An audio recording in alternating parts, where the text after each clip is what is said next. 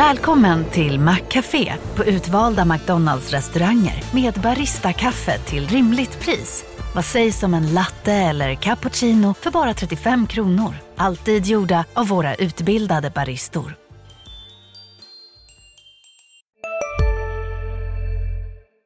Så, vi har kommit till avsnitt 26 av Världen syns från kärnan. Vi är inne i december och snart är 2023 slut. Ja, nu han var med oss jul. Ja. Härligt. Idag tänkte vi prata, eller jag tänkte ta upp lite om anonyma kändisar och vad vi ty- egentligen tycker om det. Och sen har vi också med oss en eh, gäst in i studion. Ja, det är inte vem som helst. Nej, Ted Kjellson. Vi, får vi höra din stämma? God dag, god dag. Ja, jag är här i studion. Nej, det känns ju roligt. Ja. Jag har ju bott i Skåne nu två år men, och jag har sneglat på den här podden lite. Och vi har ju snackat om det, men det är svårt att få ihop det ibland när man frilansar runt. Och, Ja, för du är ganska upptagen man. Du gjorde Håkan Bråkan som hade premiär till jul förra året och så har du gjort uppföljaren i år. ja. och så varvar man ju det med andra roliga uppdrag. Ja. Så det blir ofta lite, lite struligt. Jättekul att ha dig här. Tackar.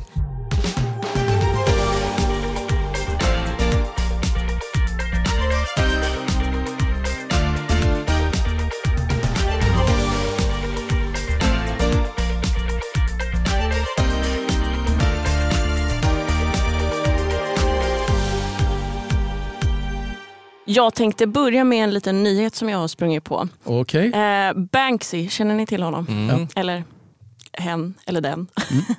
eh, tydligen så kan det vara så att Banksys identitet, han är ju en anonym konstnär, eh, kan ha avslöjats i en gammal BBC-intervju från 2003.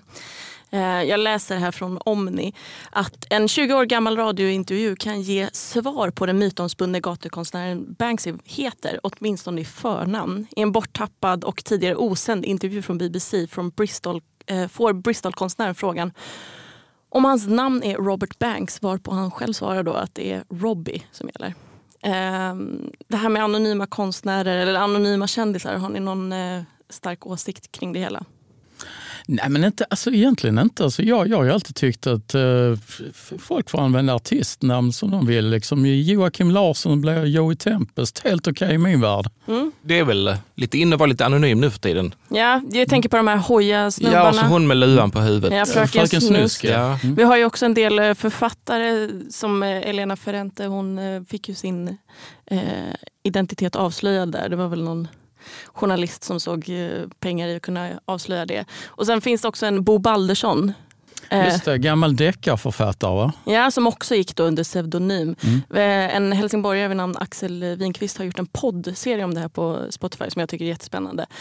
Oavsett så, när jag läste den här nyheten, då, att Banksys identitet kanske har, i alla fall förnamnet avslöjats, så började jag fundera på vilka kända personer som jag, och artister som jag gärna hade sett varit anonyma. Förstår du min Oj, ja, fundering? okej, okej. Det finns en hel drös med kända personer som ja, då är där med sitt nylle. Fan vad skönt det hade varit om de var anonyma. Men jag kunde bara komma på en. Nyfiken. ja, Elon Musk. Tänk vad skönt om han hade varit anonym. Gjort allt det han gör. Men eh, hållit sig liksom i Ja. bakgrunden. Ja, men det kan man nästan hålla med. Ja, men, ä, absolut, jag, jag köper det till 100 procent. Tänk om han hade då eh, köpt Twitter men inte gjort en jävla grej utav det. Helt plötsligt hade Twitter gått från ljusblått till svart och den där lilla fågeln hade försvunnit och blivit ett ex. Vi hade nog varit ganska många som hade varit kvar på plattformen. Men jag tror också, jag Ja. tror också att om han, man hade kanske inte trott att han fanns. Nej, det är sant. Han, han, han, är han så- är ju en ganska bisarr individ, alltså. det, det måste man ändå säga. Eh, kommer ni på någon som ni hade velat eh, se gå, eh, gått under radarn snarare än rakt i strålkastarljuset? Alltså jag, jag tänker bara mest obvious, Donald Trump. Men det kan man, inte- man kan ju inte vara president av ett land och sen... Nej, det kan man ju naturligtvis inte, men eh, han hade gärna fått försvinna in i någon slags anonym dimma för, för min del. Men fortsätta existera liksom så in, in the shadows. Ja, ja. Kommer du på någonting? Ja, nej, det blir väl mer, mer så här finflummigt perspektiv. Att det är skönt om alla hemskheter som är runt nu i världen hade varit fiktion istället. Ja, ja, ja, du tänker så. Ja, det hade varit rätt skönt. Det är rätt mycket skit nu. Att vi bara kunde stänga, sappa av det på Ja, tvn. det är lite krig lite som, som finns lite överallt. Ja. Så det, nej, det känns rätt jobbigt faktiskt. Ja. De depp, nu blir det deppigt. Ja, det blev det. Men då, då, då, då kör vi in det på något roligare. Alltså. Ja. Var, du, var du klar där Julia? Eller? Ja.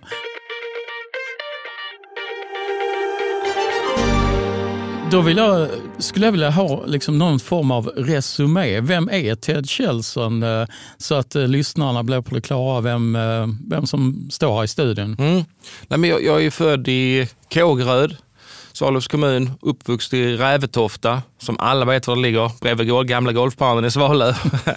och sen, och där blev det att man ritade och skrev mycket och sen spelade man ju fotboll och handboll och allt sånt och försökte hitta sin plats. Så det var väl där någonstans när jag började gymnasiet i Helsingborg på estetisk som jag kände att nu börjar jag liksom förstå vad det är jag ska göra. Gick Träffar du- man mycket likasinnade. Mm. Nikolajskolans Ja, ja, ja. estetprogram. Ja. Och efter det så blev det ju diverse filmutbildningar och konstutbildningar. Eh, och så flyttade jag norrut någon gång i 20-årsåldern där och stannade där faktiskt i 20 år i Skellefteå. Mm. Av lite olika anledningar. Så Självklart min fru som jag träffade där och det fanns också några bolag som bildades där så jag kunde jobba utomlands med reklam. Jag, jag slog ju igenom med Tomta Gud och Kapten Sverige, två kultiga novell slash kortfilmer.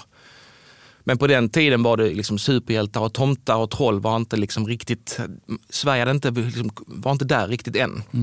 Tidigt, tidigt 2000-tal.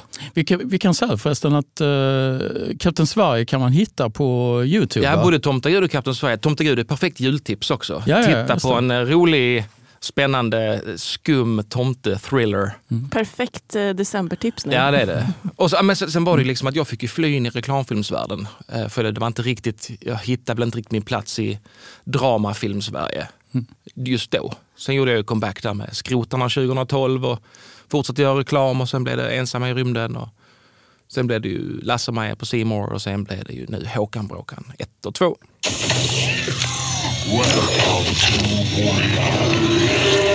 Hela friden är det där. Första priset till en dataspelstävling. Vi måste vinna tävlingen i helgen. Lycka till Håkan Tråkan. Om vi snackar just om Håkan-bråkan så eh, kan man väl säga så här, den hade premiär till jul 2022. Mm. Eh, och fram till mars i år så hade 300 000, lite drygt, Mm. den. Vet du vad aktuell siffra är nu? Jag tror det är 335 eller 333 000. Mm. Det- Det, är ju mycket nu Det, det är en sjukt bra siffra. Ja. Så för jag gick in och kollade på vilka som var de mest sedda svenska filmerna 2022. Och då var det Jag är Zlatan som sågs av 233 000 och eh, Länge leve bonusfamiljen som sågs av 197 000. Så att du är på något sätt eh, svensk films eh, räddare i nöden. Ja, vi lyckades bra där. Jag tror liksom både Håkan och Zlatan och Bonusfamiljen delar ju någon sån här skönt eh, publikfrieri på bra sätt. Alltså, Zlatan som person är ju intressant. Håkan har ju alltid varit populär hos Sune-böckerna. Och Bonusfamiljen har ju också ett fenomen i, i stugorna på något vis. Men, men, Men- men- gäller men- det av, av, alltså, avrätta det snyggt också. Det gäller att göra en bra film. Man kan ju få 100 000 tittare på ett varumärke men sen så visar det sig att Håkan-filmen är ju faktiskt ganska bra också. Eller väldigt bra till och med. Du, du pitchar in den på ett eh, lite roligt sätt. Alltså, berätta hur pitchen löd. Ja, jag fick manuset av Malin Söderlund, producenten på Unlimited Stories. Och sen så läste jag det bara, det här, är ju riktigt, det här kan man göra någonting eget av. Så pitchen var att om Sune är Solsidan så ska Håkan vara Die Hard för, för hela familjen. och sen har det kommit sig så att jag och manusförfattaren Tobias Hoffman då, det blev väl att liksom den här trilogin är inte långt borta. Om ettan är Die Hard blir tvåan Rambo och trean kanske då blir James Bond eller något liknande. Så, så det finns liksom en tanke och gör man varje film som sin sista och med stort hjärta så är det väldigt kul att göra franchise som Håkan då till exempel. Jag tycker det är, man behöver lägga mindre tid på införsäljning och kan lägga mer tid på att fylla filmen med själ. Liksom. Men vad- vad- hur, hur, hur lyder din egen förklaring att den, det var så många som gick och såg den på bio? Nej, men vi fick till, alltså manuset var riktigt bra och sen brukar jag lägga till en, en skön krydda på det. Alltså jag, jag gör filmer som jag själv vill se. Och nyckeln här var väl att det blev den här familjefilmen som där är skämt för de vuxna. Man kallar det för Shrek-lagret. Ja. Och, så- och, det, och det, till och med här finns det också en barnvakt som är 18-19 så det är många faktiskt syskon till de mindre som har hört av sig och sagt äntligen så somnar jag inte på en svensk barnfilm. Det är okej att titta på det även om Ja. eh, Det har varit väldigt populärt. Och så är det ju action och spänning. Det är ju suspens. Jag brukar säga om ni sätter en machete och en kulspruta på Håkan och, till, alltså, och, och liksom lägger till Eh, blod. vart är du på väg nu? Nej, jag, alltså, och lägger till blod, då har du riktigt, kanske en av de fetaste svenska actionfilmerna. Men nu är det här en familjefilm så han har ingen machete, han har ingen kulspruta och det finns inget blod. Men det är ändå en riktigt intens actionfilm. Just, det, just den filmen kanske kommer lite längre fram i... Alltså, vi alla har ju sett Kick-Ass i det här rummet i alla fall, med Hit Girl eller vad hon heter. Så det var ju en revival när den kom. Så. Ja. Men jag tror inte Anders och Sören tillåter en sån blodig Håkan. Men Nej, nej. det var mest ett tankeexperiment. Varför den funkar, det är fet action. Ja. Även om det nu är så att eh, det finns ett brett spektra, alltså både barnen men också de unga vuxna och eh, föräldrarna kan tänka sig att titta på den här filmen så är det ju ändå barn, alltså barnkultur när de gör de här filmerna. Det är vissa som kanske säger att det är lite av den fula sidan av kulturen medan andra kanske, du då, kanske vurmar lite starkare för det. Hur tänker du kring det fina och det fula i att jobba med barnkultur? Ja, Jag tycker det är kanske det finaste man kan göra. Eh, visserligen har min fru Marika på, liksom fått påminna mig mycket när jag gnäller hemma. Jag vill göra film för det här, jag vill göra min tomteskräckis, jag vill göra mer superhjältefilm och sånt. Ja, men att göra film för de minsta är ju kanske det finaste man kan göra. Och gör man det då som att det vore sin sista film varje gång och lägger ner all, all sin tid och all sin själ och inte bara gör det vid sidan om. Det blir ju så att man, får, man måste ju lägga ner sin själ i en film och då gör man det så blir det ofta bra om man har koll på läget. Liksom. Men, men kan du, kan du liksom märka det någon gång liksom inom branschen att eh, jaså, du gör barnfilm? Ja, det, det är lite roligt ibland när man är på vissa tillställningar och man nämner, "Ja, men vad har du gjort? Ja men Håkan Bråkan, det är ju många som vet att den Ja. är en räddare på det sättet. Oj, det sågs av jättemånga, men det är också många som bara, jaha. Och så undrar man liksom, ja men din film har ju setts av noll personer och ingen. Alltså, då gör jag ju hellre en film som folk vill se och ha kul med den och gör det bästa av, av situationen. Även om jag då såklart har upplevt den andra sidan. Jag gjorde ju Ensamma i rymden när jag slog igenom. Det är ju mer som min och Henrik Ståhls eh, barn vi har skrivit ihop. Och den är ju asspännande med aliens och allting. Och ett rymdskepp och coola effekter. Men där fanns ingen förlaga. Och den promotades väl inte lika fett som en Håkan-film för att det finns inte pengar till det. Och då kan inte, alltså man kan inte bryta igenom med en sån film. Jag älskade mammas historier om rymden. Men jag trodde inte jag skulle bo i den sex år senare. Vi vann ju priser för den och sånt också, men rent publikt så får folk välja mellan en Beck-film eller en känd Lasse-Maja-film. När de står där med familjen så tar de ofta det kända alternativet. Och inte en skum, svensk, lite mörk barnfilm med en alien på planschen. Liksom det, ja, det blev lite så Staffan Westerberg-vibes över den. Man vet inte riktigt vad man ska få. Nej, men, men ha- alltså jag, är, jag är ju sjukt, den filmen är jag väldigt stolt över, Ja. Ensam i rymden. För att den är ju cool på riktigt på många sätt liksom också. Så den är ju svår att blunda för tycker jag. Den är, den är, den där kände man att man gjorde en kulturgärning samtidigt. Klarar alla människor som jobbar inom eh, kulturbranschen och framförallt som kanske i rollen du har, att göra både eh, för vuxna och för barn? Eller behöver man ha liksom ett ytterligare lager för att klara av att göra eh, kultur för barn? Jag, svårt att säga, man hamnar ju lätt i ett fack också. Ja. Nu är det många som tror att jag inte alls kan regissera vuxna. Men det är mycket lättare att regissera vuxna än att regissera barn. Eh, så, men det, det, jag får också respektera det, att man hamnar i ett fack. Du vet, det är en ganska hög risk folk tar när de ska liksom anlita en regissör. Nu tror jag nog de flesta fattar att jag kan regissera vad som helst. Eh, tanter, barn, allt möjligt, liksom hundar. Jag är bra på det mesta på det sättet, men det är också säkrare att ta mig till det jag har gjort, mitt track record. Så det, jag försöker, man försöker alltid, istället för att klaga på branschen, brukar jag förstå branschen. Varför gillar inte folk det här manuset? Ja, men det är många som klagar också.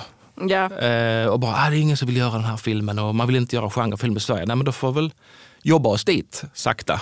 Liksom, Det, det, det brukar ju heta så här, jag, jag, jag vet inte alls om det, om det är så, men eh, att det sägs att man ska inte jobba med barn och djur. Alltså, vilket jag tycker är ganska bisarrt med tanke på om man tittar på en sån som Steven Spielberg. Mm.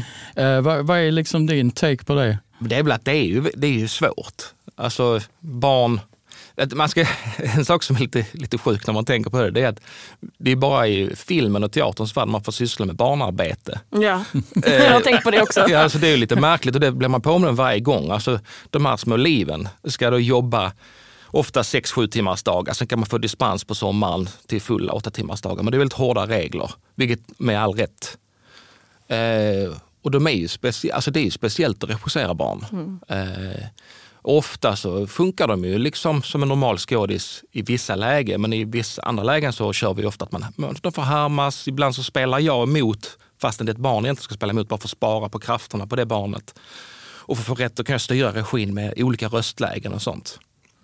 Så jag tror jag använder säkert 20 olika regitekniker när jag jobbar med barn. Medan med vuxna så kan man liksom hålla sig till två, två, tre, fyra stycken beroende på vilka individer man jobbar med. Ja.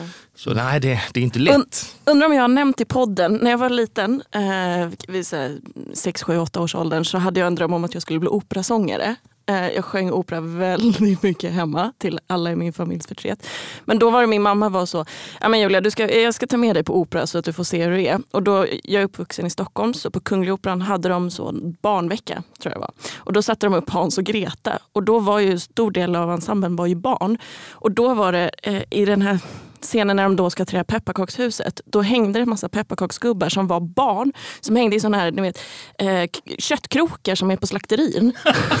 hängde de där och åkte på liksom som ett band fram och tillbaka där. Och jag, mamma har berättat då i efterhand att jag liksom gick ut därifrån och var klotögd och liksom, "Åh, vad är det jag sett? Men då tänker jag också på att alla de här barnen jobbade då hela dagar med att vara på operan och hänga i de där köttkrokarna.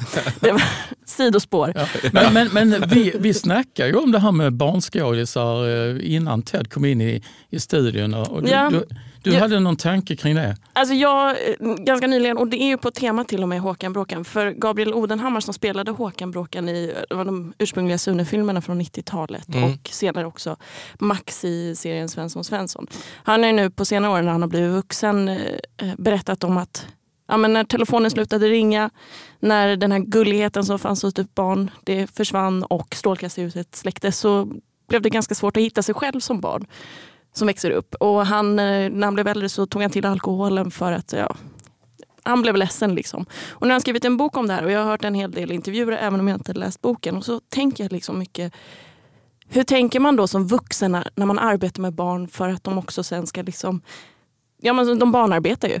Mm. Som du säger, Jo, liksom, de ska också klara det som kommer sen. Ja, men jag, jag träffar ju Hej, Ulf Kristersson här. På många sätt är det en mörk tid vi lever i. Men nu tar vi ett stort steg för att göra Sverige till en tryggare och säkrare plats. Sverige är nu medlem i Nato. En för alla, alla för en. Har du också valt att bli egen? Då är det viktigt att skaffa en bra företagsförsäkring. Hos oss är alla småföretag stora och inga frågor för små. Swedeas företagsförsäkring är anpassad för mindre företag och täcker även sånt som din hemförsäkring inte täcker. Gå in på swedea.se företag och jämför själv. Gabriel på Bokmässan. Så vi har pratat igenom det här rätt så grundligt och har väl en, det är han som driver det, men jag, säger, jag ställer gärna upp på liksom, vad kan vi göra? Nu finns det ju stuntkoordinatorer, det finns ju intimkoordinatorer, självklart ska det finnas barnkoordinatorer också, som då kanske ska också se till efterspelet. Alltså barn har ju Instagramkonton idag som, där folk kan skriva vad skit som Ja, helst. Och. Ja, men det, hur, hur tar man hand om barnen efter inspelningen? Det, det är ju en aspekt som jag och eh, Gabriel pratar om rätt mycket där och har fortsatt eh, prata om. Men eh, nej, så jag kommer att ställa upp den dagen det liksom ska pratas om det. Och jag har väl bara mina egna sätt än så länge. Ja. Jag brukar följa upp och ringa föräldrarna och säga att ja, om, om Silas vill prata så finns jag där om han vill snacka, liksom, om han saknar inspelningen eller har frågor om ja, vad som helst egentligen. Så vi, jag vet väl att de jag jobbat med hittills har väl ändå haft en ganska så fin kontakt efteråt med barnen. Sen Det hänger det ju viktigt. mycket på föräldrarna i slutändan ändå. Så, så, Ja, som har öppnat den där dörren någonstans ändå till att det är inte de möjligheten- själva som har valt utan det är ju föräldrarna som väljer. Som ser potential i de där operasjungande barnen. Ja, Det gjorde inte min mamma. kanske var tur. Öronproppar in. Vi tar med henne dit och så ser hon de här köttkrokarna och så kommer hon bli avskräckt och aldrig vilja sjunga opera igen. Och det lyckades Ja, ju. jag har tystnat. ja, ja, precis. Man har ju de här barn, alltså de, de upplevelserna, skumma upplevelser från barndomen som, som hänger med en. Eh, som, som fortfarande liksom kan vara lite skrämmande. Så ja, jag, ja. Du, eh, nu tänkte jag på det här, eh, nu har ju du under det här året jobbat med uppföljaren till Håkan Bråkan. Eh, du får berätta lite grann, eh, hur, hur har det gått och var är ni i processen nu? Vi är i processen av att eh, godkänna, godkänna visuella effekter, alltså dataeffekter som man säger. De fixar det i datan. De fixar det i datan ja. Och sen har vi musiken är väl klar och börjar putsas på, ljudet läggs och vi ska mixa snart. Och, så det, det är den, det är färdigställande. Den ska ju upp på biograferna på sportlovet. Mm. Och ha förhandsvisning i januari på olika ställen förhoppningsvis. Kanske Svalövs kulturhus Mm. brukar jag försöka få in eh, någon visning på. Eh, så det, nej, vi är precis i slutskedet. Och arbetet med den har ju gått bra. Vi spelar ju in ett scoutläger. Den handlar om Håkan ska gå på scouterna för han vill ha ett husdjur och ska lära sig ta ansvar. Och eh, det kan man ju bara lista ut hur det går. Eh, Men det var rätt roligt att spela in i mars, april, maj. Och då är det ju inte så varmt Nej. egentligen. Jag tror när vi, när vi skulle göra en, en av de roligare visuella effekterna på plats då, då snöade den kvällen så då fick vi ställa in. Så att, men vi ska ändå spela som att det är ett härligt, vi kom väl överens om att det kanske var ett vårläger kallar vi det. Ja. Men de, de, där finns ju, de hoppar ju i vattnet någon gång och det var Står kallt. fryser Ja. efteråt. Jo. Men du, hur, hur är det att arbeta med en uppföljare när man vet liksom att den första filmen har setts av drygt 330 000 eh, på Mm. bio? Va, va, alltså, sätter det en speciell press på en? Ja, Alltså, ena stunden så jag har rätt lätt för, via sportvärlden då, så har jag lärt mig att hantera den typen av go, gosig stress och nervositet. Man, man får ut mycket på planen helt enkelt. Och det har jag tagit med mig även i, i, när jag jobbar med film. faktiskt. Så att jag blev väldigt nervös på det sättet. Och sen så förstående producent som förstod vad jag gjorde och vad, som, vad manusförfattaren gjorde och vad hon själv gjorde. En jättebra fotograf som heter Benjamin Sadig som är en av de bästa fotograferna jag jobbat med. Han är väldigt flexibel, vi gillar samma saker. Sam Raimi, Edgar Wright. Så vi kan skapa, vi har liksom skapat ett unikt, ett unikt bildberättande för Håkan som vi startade redan på, när vi gjorde Lasse-Maja på More då. Så vi har jobbat med fyra stora projekt ihop. Eh, Så han är, han, han är värd mycket för projektet. Och Hur, hur, hur lät förresten pitchen för eh, uppföljaren? Nej, det, alltså, jag vill ju hela tiden pitcha det Rambo för hela familjen. Men den är väl inte jättemycket Rambo, det är lika mycket Indiana Jones och så här skatter och mys. Så att det är ju verkligen en rivig familjefilm igen. Och det var ju det vi fick ta med oss. Vi måste ju bjuda på det de förväntar sig. Men bara det att vi har en helt ny setting.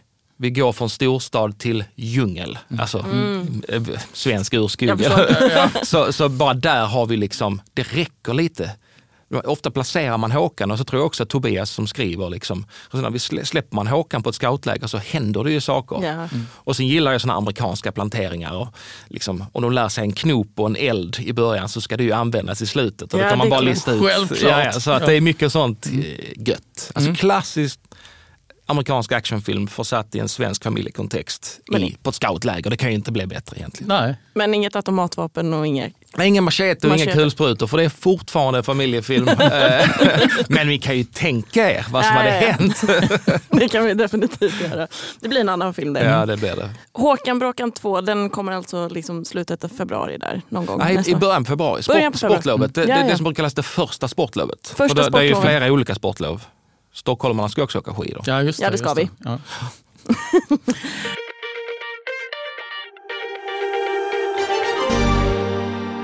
Hur ser eh, annars din eh, tillvaro ut förutom när du då jobbar med, med just de här projekten som vi har pratat mest om nu? Jag försöker ju slå mig in lite. Nu har jag bott i Skellefteå och jobbat med den reklamfilmsfären som är där, med de Stockholmskontakterna jag hade där. Nu försöker jag lista ut lite vilken jag kan jobba med här när det kommer till mindre reklamfilmer, större reklamfilmer. Men jag har också jobbat väldigt mycket med Svalövs kommun. Jag har jobbat med ungdomar och seniorer i olika projekt. Mycket för att ha någonting att göra mellan filmerna, men också för att det är fruktansvärt kul att träffa ungdomar. Och det är fruktansvärt kul att träffa eh, gamla seniorer. Så jag har haft Senior Sports Club, eh, Senior Sports School heter det, som RF SISU eh, har liksom gjort grunden till och så driver man det via Svalövs kommun. Och sen har jag eh, fältat och jobbat med, med ungdomar på det sättet eh, i kommunen också. Vad gör man i den här sportclub, sportschool? Och vi har massa roliga saker. Vi spelar boll, vi har prat om hälsa, lagar mat.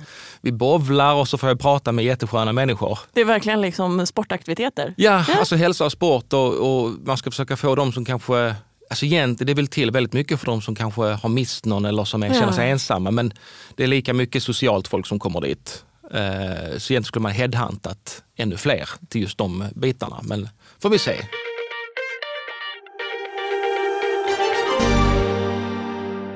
Apropå det här med sport och eh, reklamfilm så vet jag ju att du har jobbat en hel del med diverse sportstjärnor i reklamfilmssammanhang. Som. Zinedine Zidane till exempel. Det och har ju en, eh, blivit någon... det Wayne Gretzky. Ja. Hur- Blir man starstruck när man träffar sådana eller är det bara liksom gå in och do that Wayne? Ja, nej men det, alltså det är ju lite speciellt. Jag, jag brukar aldrig, många är ju så här, ah, reklam, det är, man säljer sin själ och hit och dit. Men utan reklamfilm hade jag inte varit eh, där jag är idag. Jag lärt mig liksom kunna vara iskall på en svensk inspelning. För jag har redan upplevt det värsta med tyska landslaget i Köln med bortskämda spelarfruar och deras hundar. På ett, alltså, du vet, jag, jag har redan varit med om allt som är jobbigt. Så när, när folk liksom har ett svenskt problem på en svensk inspelningsplats så eh, kan inte jag riktigt förstå vad problemet är ibland. Kan, Så- kan, kan vi få höra lite mer om de tyska spelarfruarna? Ja, det deras- kanske är konfidentiellt. Nej, men, det, det, nej, men det, det blir ju ofta väldigt bortskämt i de, sfä- den, den Ja, jag kan sfären. tänka mig verkligen. Då, då, jag, en grej jag kan berätta det var ju att det ofta ringde ju folk ner till sina makar då på inspelningsplatsen. Du syns inte i bild nu, vet du om det?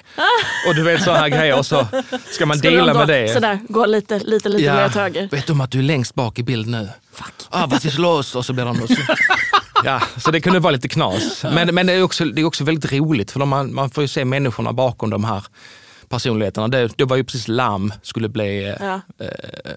Ballack var ju, han blev skadad inför det VMet. Skulle Lam bli den nya eh, lagkaptenen. Så det var ju en rolig era eh, av, av tyskar. Det var precis sen, vem vann de ju VM bara några, fyra år senare eller något sånt. Vad kul att du tog upp det tyska landslaget för det är ju mitt landslag. Det är Ju- ro- just det, jag du är har ju halvtysk och det är mitt landslag. Ja. Det är det enda landslaget jag hejar på när det kommer till fotboll. Jo men de, var ju, de var ju, hade ju en riktigt gyllene era då. Mm. Ja, ja, ja. Fruktansvärt bra. Och sen, Men- sen, sen, sen så blev det ju också lite, för den enda gången jag blivit starstruck tror jag nog ändå när jag träffade Zinedine Zidane. För det var på, också på en inspelning, det var i Paris någonstans. Och det är en sån person som, man, även om man står med ryggen emot, Man så jä- märker man att han kommer in. Han är väldigt blyg och, och mysig farbror liksom. Men eh, Han, men- han, han, så, det där kan man, jag har ju aldrig träffat honom, men- men eh, man ser ju på att han har en aura eh, Mm. som bara liksom strömmar ut från honom. Ja, nej, men han, var, och så var, han var väldigt artig och fin. Så att, nej, men de flesta är trevliga. Och sen så, den, ja, men han är väl kanske den som är, var den största sporten. Men Wayne Gretzky slog också ganska stort. Det gjorde det väl. Vi, då blev jag till och med hembjuden till hans hus och fick äta spagetti och köttfärssås. Det är också en skum upplevelse, men jävligt mysig upplevelse. Hur, hur, hur bodde Wayne Gretzky då? ja, i ett, i ett fett mansion. ja, ja, Det är klart ja. han gjorde. Ja. Ja, såklart. Varför ja, men- frågar jag? Su- Supertrevlig familj. Ja. Alltså, vi hade, vi, det, var, det var asmysigt. Och det, jag trodde ju liksom, jag blev hembjuden mitt i något julstök nästan. För vi spelade in den här reklamfilmen någon gång i slutet på december. Och jag brukar alltid boka så att jag stannar någon dag extra för det kan alltid hända saker när man är i Hollywood. Man kan hamna på efterfest med Spielberg och man kan, så du vet det finns en massa roligt.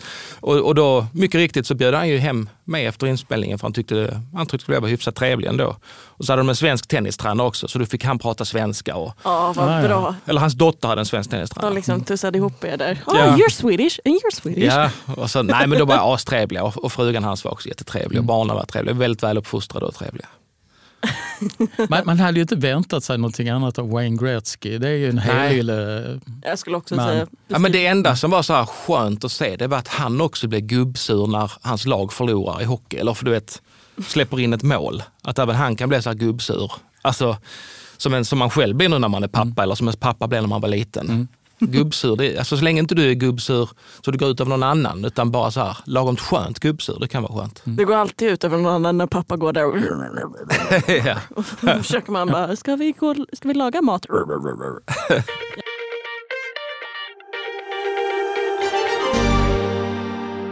Du, vad, vad har du på gång framöver? Är det, är det någonting du får, får lov att, att berätta väl, om? nej, jag tror inte riktigt jag får berätta om allt, men det är ju ingen hemlighet att en, en succé som Håkan, då kikar man alltid på uppföljare. Mm. Och en trilogi är ju en trilogi.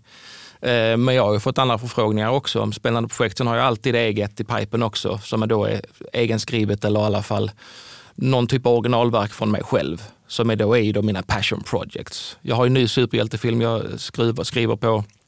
Jag har gått lite, har gått lite trögt på senaste med, med det som jag kallar för fubik. Jag håller på med en tv-serie som ska påminna lite, eller så ska, det är väl lite halvt om halvt min barndom fast väldigt fiktionaliserat. Som tar upp en hel del roligheter kring dinosaurieparken i Konga. Är det, var det den här du berättade om för ett par år sedan när jag intervjuade dig? Ja, med, en- med, en, någon slags eh, Fargo i, eh, nor, i nordvästskånsk miljö. Vänta, var det Ja. de, alla de här dinosaurierna i en trädgård? Nej, alltså, det, det fanns en dinosauriepark någonstans ute i Konga. Ja, i va? Konga. Eh, Utanför...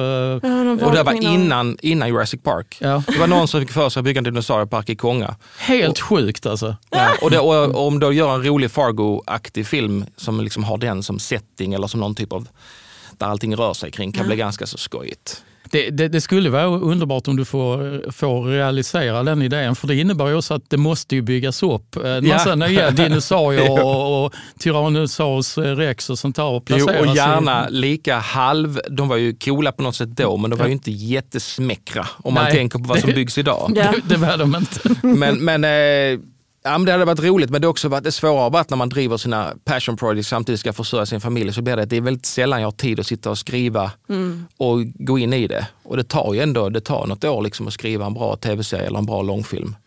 Så man får, ha- den här disciplinen får man ju försöka koppla på då och då.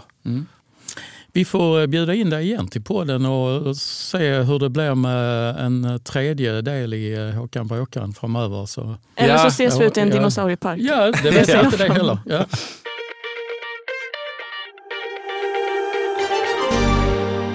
Men innan vi rundar av dagens avsnitt så Stefan, du stack över till Danmark. Ja, just det. Jag har varit i, på eh, konstmuseet Louisiana eh, som har en alldeles eh, otroligt häftig eh, ny utställning som heter Den oersättliga människan som handlar om eh, lite om det vi har pratat om här faktiskt. Eh, människans kreativitet och hur den kommer att bli utmanad av eh, artificiell intelligens framöver. Alltså. Jag, jag är ju ingen konstkritiker som du vet, men jag tyckte det här är bland det häftigaste jag sett på Louisiana någonsin. Alltså. Och, och det, det var lite grann som att komma in i en ny tid på Louisiana. Alltså för att jag är rätt van vid att gå på sådana här pressträffar på, på eh, konstmuseet där. Och då träffar man ofta sådana stiffa konstintendenter som pratar ett språk som jag inte riktigt förstår för att jag är inte i den världen eh, och har aldrig varit. Eh, Men den här eh, utställningen eh, kurerades av en, eh, en ung kille som heter, Mattias eh, Osberg. Eh, Och eh, han hade liksom keps och stod och läste från sin eh, mobil och sådär och var allmänt bara skön snubbe. Eh, och han har då till, tillsammans med några andra eh, unga medarbetare, den nya generationen Louisiana-medarbetare, fått till en, alltså en superutställning. Gå och se den, absolut. Ja, dit måste man minst en gång om året är jag alltid där. Ja. Ja, nu när jag bor här i alla fall. Det var lite jobbigt att pendla ner från Skellefteå. Men Det kan jag tänka mig. Men jag brukade också när jag bodde i Stockholm, varje gång jag var liksom i Skåne eller i Danmark så åkte jag alltid dit. Men jag har upplevt att Förr så var det mycket mer konstmängder på väggarna. Nu känns det med senaste tiden att Louisiana mycket, alltså, det har lämnat väggarna och är mer, jag vet inte. Jag kan, säga så här, jag, kan, jag kan säga två exempel från den här nya utställningen, eh, Den oersättliga människan. Det är en talande mus och en gorilla som ligger och hukar under ett eh, skrivbord. Bara som en, eh, små teasers på vad ni kommer att få se. det låter ju grymt. det låter grymt. Ja men då har man kanske någonting att hitta på i juldagarna. Däremellan. Ja. Då får vi, ja. Och glöm nu inte att se Tomta Gud. Den firar 20-årsjubileum. Just Ah. det, gå in, gå in på. Youtube. Ja, YouTube. det är perfekt julfilm och det var 20 år sedan jag gjorde den. Ung Ted, 23 år, gjorde en helt knasig tomtefilm. Och, Och den håller och, än. eh, Ja. och eh, Kapten Sverige ska vi också nämna Ja. med Alexander Karim Ja, som superhjälte. Ja. Och du jobbade även med en som nyligen gick bort. Ja, jo. Hans Mosesson. Ja. Han spelar ju en slags Q i, i, i den filmen. Och sen var ju Jossan Bornebusch med och Claudia Galli. Det var ett roligt gäng. Ja, ja, Vi fan- var fantastiskt gäng ju. 13-20 minus i Skellefteå, Örviken. spelade vi in actionscener mitt i natten. Så, nej, det var fantastiskt. Vad man gjorde när man var yngre. Ja. Då vet Su- jag vad jag ska superbra hitta tips. på. Ja, men då vet jag vad jag ska hitta på nu eh, i alla mellandagar stundande där. Eh, och ni alla lyssnare vet det också. Vi får tacka för dagens avsnitt. Eh, producent har varit Evelina Paulsson, tekniker Björn Lilja och eh, gäst i studion har varit Ted Kjellson och eh, här i studion har vi också hört mig, Julia Mögelin och dig, Stefan Lindqvist. Hej då. Chilo.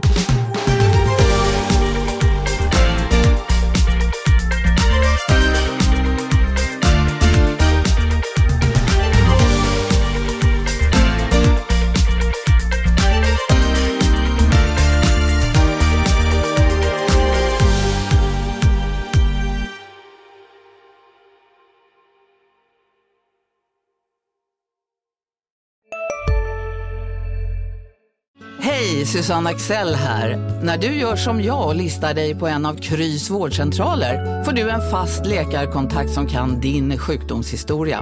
Du får träffa erfarna specialister, tillgång till lättakuten och så kan du chatta med vårdpersonalen. Så gör ditt viktigaste val idag, lista dig hos Kry. Ska några små tassar flytta in hos dig? Hos Trygg Hansa får din valp eller kattunge 25% rabatt på försäkringen första året. Läs mer och teckna djurförsäkringen på trygghansa.se. Trygg Hansa, trygghet för livet.